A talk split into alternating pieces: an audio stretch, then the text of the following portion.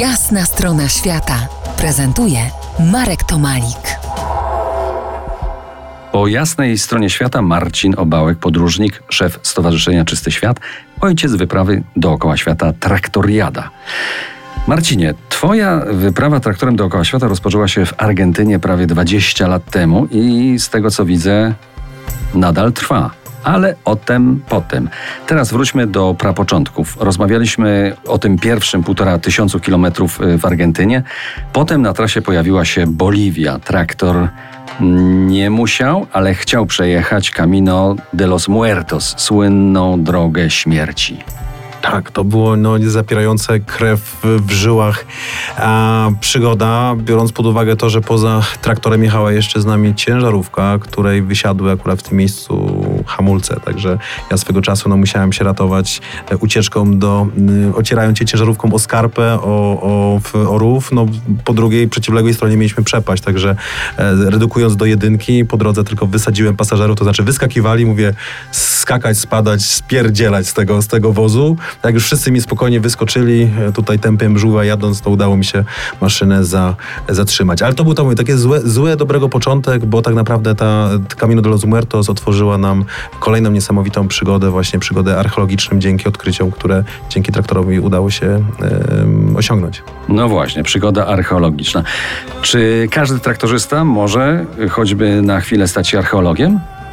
Oczywiście, oczywiście. Zapraszamy, zapraszamy na kolejne e, odsłony naszej, naszej wyprawy, gdzie podczas e, pobytów już w Amazonii e, przeistaczamy się w archeologów, tutaj pod pieczą naukową doktora Andrzeja Karwowskiego i mm, zapraszamy na chociażby na wyprawy w sedno sprawy. Polska ekspedycja amazońska. Z tego co pamiętam, szukaliście pod ziemią bolków. Bolków z Polski, z Europy? No to jest um, temat, nad którym już e, pracujemy kilkanaście lat. Dlaczego Bolek? To był pierwszy od pierwszych liter kraju, w którym e, został odkryty szkielet pewnego szamana, BO, no żeby tak troszeczkę e, go mm, s, s, szkielet zhumanizować, no został pieszczotliwie, pieszczotliwie nazwany, nazwanym Bolkiem. Bolek poleciał tutaj celem konserwacji i dalszych analiz do mm, Instytutu Archeologii Uniwersytetu e, Mikołaja Kopernika w Toruniu, gdzie właściwie ta cała nasza ekspedycja archeologiczna nie byłaby możliwa dzięki tutaj współpracy i wsparcia świętej pamięci już profesora Jerzego e, Olczaka. I tych bolków szukaliście między innymi przy użyciu, uwaga, dynamitu.